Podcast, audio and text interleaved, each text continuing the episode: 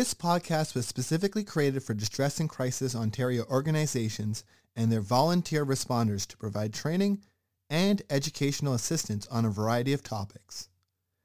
As information evolves and changes, these podcasts are meant to offer ongoing support with the goal of updating them on an ongoing basis.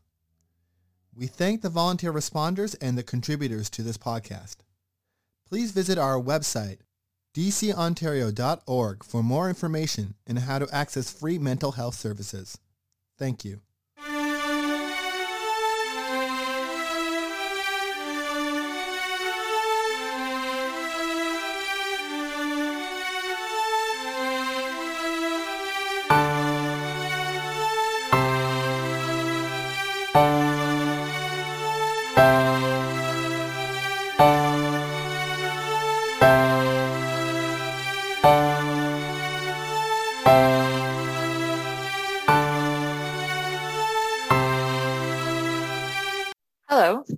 Caitlin Plant, Program Manager for Distress and Crisis Ontario, and today I am joined by Sabrina. Sabrina is currently completing her Master's in Counseling Psychology from Yorkville University. She's very open about her personal mental health journey and is a huge advocate for teaching others how to prioritize their own mental health and self-care. She's very kindly joined me today to discuss the topics of seasonal affective disorder and how to maintain a positive outlook during the fall and winter seasons. So thank you for joining me today, Sabrina. Could you please begin by just telling us a little bit about yourself? Yeah, for sure. So obviously, as Caitlin mentioned, my name is Sabrina, and I am currently in a master's program studying uh, to become a psychotherapist. Um, I currently work as a an early childhood educator, where I get to work with preschoolers who have an abundance of behaviors, and I honestly love it. I wish I could do it forever, but the older I get, the more I realize that my body cannot handle it. I'm an old lady.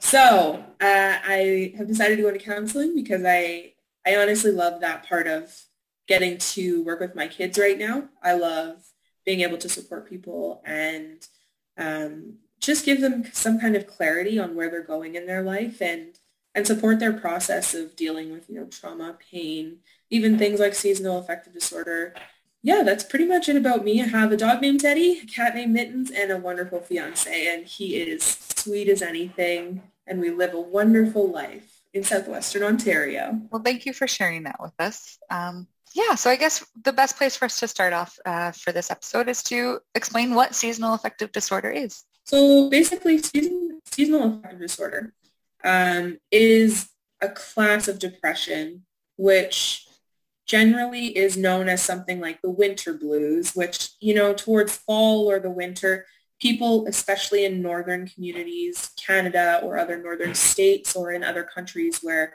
you know, the seasons are changing so that it's dark at night. Um, basically, this kind of depression starts because your circadian rhythm is offset by how dark it is at night and how early it becomes dark. And so your body says, oh, it's time to hibernate even though your mind is still not ready to go to sleep. And so your body gets confused, your mind gets confused, and it leads to a type of depression where you feel like you can't do the things you used to do. You, you feel tired or lethargic. You're having trouble sleeping. A lot of people end up kind of carb heavy in their diet because they, they're seeking comfort. And it basically, it's a difficult uh, disorder, I suppose, because it is a type of depression, but it also affects a lot of people. So not only people who are predisposed to mental health issues, people who, you know, just struggle with routine normalities and and this is a difference in your routine and it changes everything about your life. So you've already touched on this a little bit, but what is it about the fall and winter months that makes it so much more challenging to maintain a positive mental health? Yeah. So because of the winter months, because in Canada, you know, normally your routine would say, okay, I'm going to be able to do these things until 8 o'clock at night, 10 o'clock at night, even sometimes in the summer because it's so bright out. Um, it's really your body's way of trying to hibernate. And your biological sleep clock, so your circadian rhythm, uh, it normally tells you to wake up, when to go to sleep, um, and you've got melatonin, which is naturally in your body, but people do take it to help them sleep. So because your body isn't creating melatonin at the correct times, your body gets tired and then you feel like you're not as effective at the things that you're doing. It's kind of just like a downward spiral. If you are at risk for mental health disorders, it is more common. It's a very common disorder. Uh, I would say the majority of the population are, are living with it. Um, and it's just because your body doesn't know what's happening outside of the weather is changing and it's normal to eat more and it's normal to want to feel comforted and it's normal to, you know, kind of hibernate. And in reality, you still have to be able to do all the things that you're doing, uh, which is exhausting because now you don't have the daylight to do it. So you're going to work in the dark, you're coming home from work in the dark, and you've got no time to do the things you wanted to do. So it's kind of a, it's a difficult disorder because it is considered a mild to moderate disorder. So generally it's not um, particularly severe in the sense that there's a lot of hospitalizations for it. And so it often goes kind of unnoted and unseen. And um, however, it, it is quite debilitating and it's, it's hard for people to function with it. It does cause a huge decrease in the ability to function while you're working or, or with your family life or social life. Um, and I think that's, that's kind of an unheard thing. You know, people don't want to talk about that, but it is difficult when you're feeling already exhausted just by existing. Now you have to add in these extra things and that's really difficult for people. Mm-hmm. So yeah, I guess we've definitely covered how how common it is and and how it looks kind of most often for anybody. And and like you said, some people are going to feel it a little bit more and some people will feel it to like a lesser degree. Um, but do you have any suggestions for how we can maybe counteract these feelings? Definitely. So, I mean, obviously there's first line treatments that physicians will use. I am not a physician, but I can give you some uh, kind of research background on it. So basically, every year comes out different statistic studies that will support current and most effective treatments. So right now, in 2020 came out uh, a study from University College in London in the United Kingdom that basically said first-line treatments for uh, seasonal affective disorder started with light therapy. It is the least aggressive, most uh, most careful, gentle kind of therapy that you can receive for any kind of mental health disorder, um, and that includes you know generalized depression because it's putting you in a position where you're getting, even though it's fake light, you're getting you know fake sunshine, you're getting that happy, feel good hormone movement through your body. And um, that's kind of an, it's something that you can do at home as well. It's something that's, you know, it's possible for people to have light machines at home. They're not terribly expensive. You can do them as like wake up lights or alarm clocks and, and they're super helpful for people just to be able to, you know, wake up with that light even though the sun is not necessarily out. But another kind of line of treatment, if it does become a little bit more severe, are using SSRIs so things like sertraline, fluoxetine, escitalopram, uh, those get used in situations where it just kind of gives your body the kick it needs to be able to start to create those hormones and to and to readjust those kinds of you know melatonin and and the things that are going on in your body that have now shifted because of the weather and the darkness outside with those medications obviously that's kind of that's dependent on the person that's a very personal choice so outside of that, some kind of home remedies or, you know, personal things you can do are just keeping some lights on in your house. I know it's, you know, it's really enticing to be like, oh, I've got my computer on. That's bright enough. If you leave some lights on in your house, um, you know, in your kitchen while you're eating at the at the table, have your dining room light on, not just like, you know, lamps or whatever. Or if you're going to go for a car ride, make sure you're going to end up at a place that's well lit so that you can maintain that routine of having brightness around you. It won't eradicate the possibility for getting seasonal affective disorder, but it will give some uh, consistency to your routine, which will help with the overall um, creation of that normality for your body. I mean, you can also do things like just maintaining a healthy routine. Obviously, having a healthy diet is always important and maintaining a good amount of water intake, just trying to keep your life as much normal as it can uh, be as long as you feel that's possible. And then, of course, if it ever gets to a point where you're feeling, you know, like it's dangerous or like you don't feel safe or you feel, you know, concerned about it, obviously contact a physician and they will uh, support you in the ways that you can. And just as a little bit of like a, you know, side note, seeking out therapy is a great option in the sense that it is an all the year thing. It's an, a year round experience that you can do that can maintain that routine if you know that this is something that you struggle with. It is, you know, obviously more costly, but finding good resources and having physicians, your, your family doctor or hospital physicians, referring you to suitable therapists and people who can support you is a huge way to keep you from falling into kind of that that pit that that really does take people into seasonal affective disorder.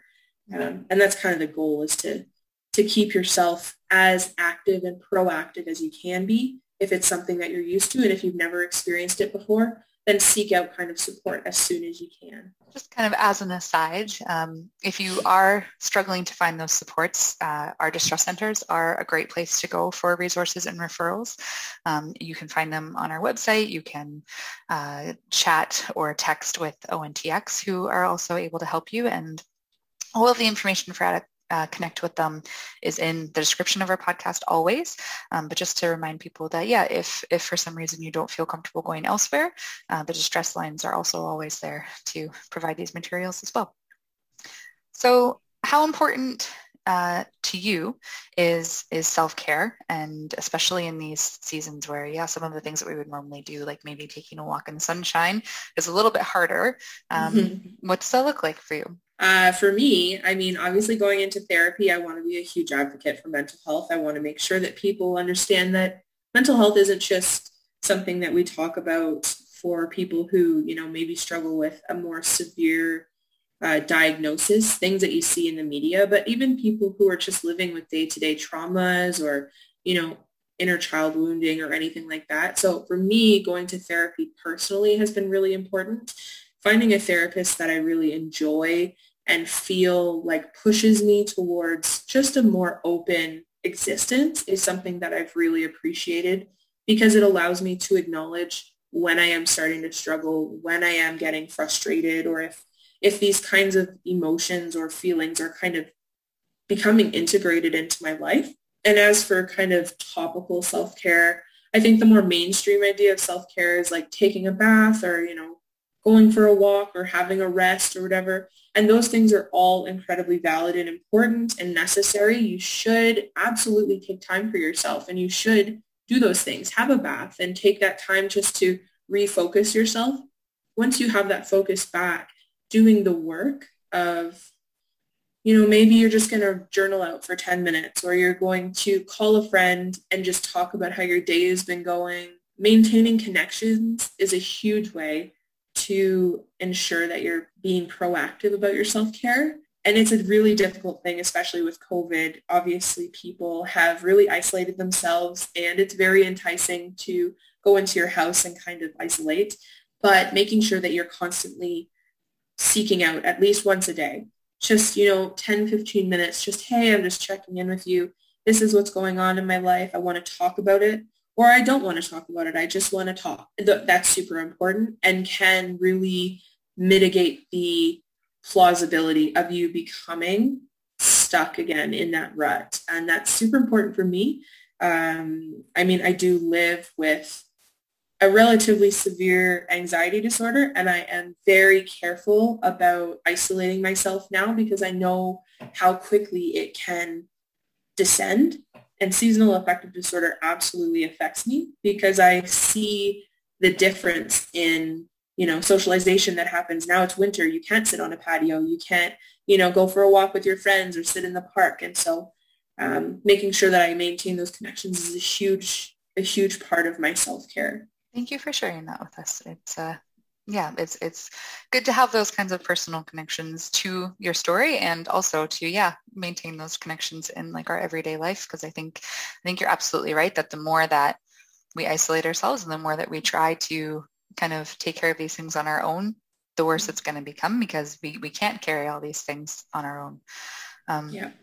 So I think that we have also kind of already addressed uh, my next question in bits and pieces. Um, mm-hmm. But why is it so important to you that we talk about these things? I think having conversations about mental health is really just a way of talking about like holistic health.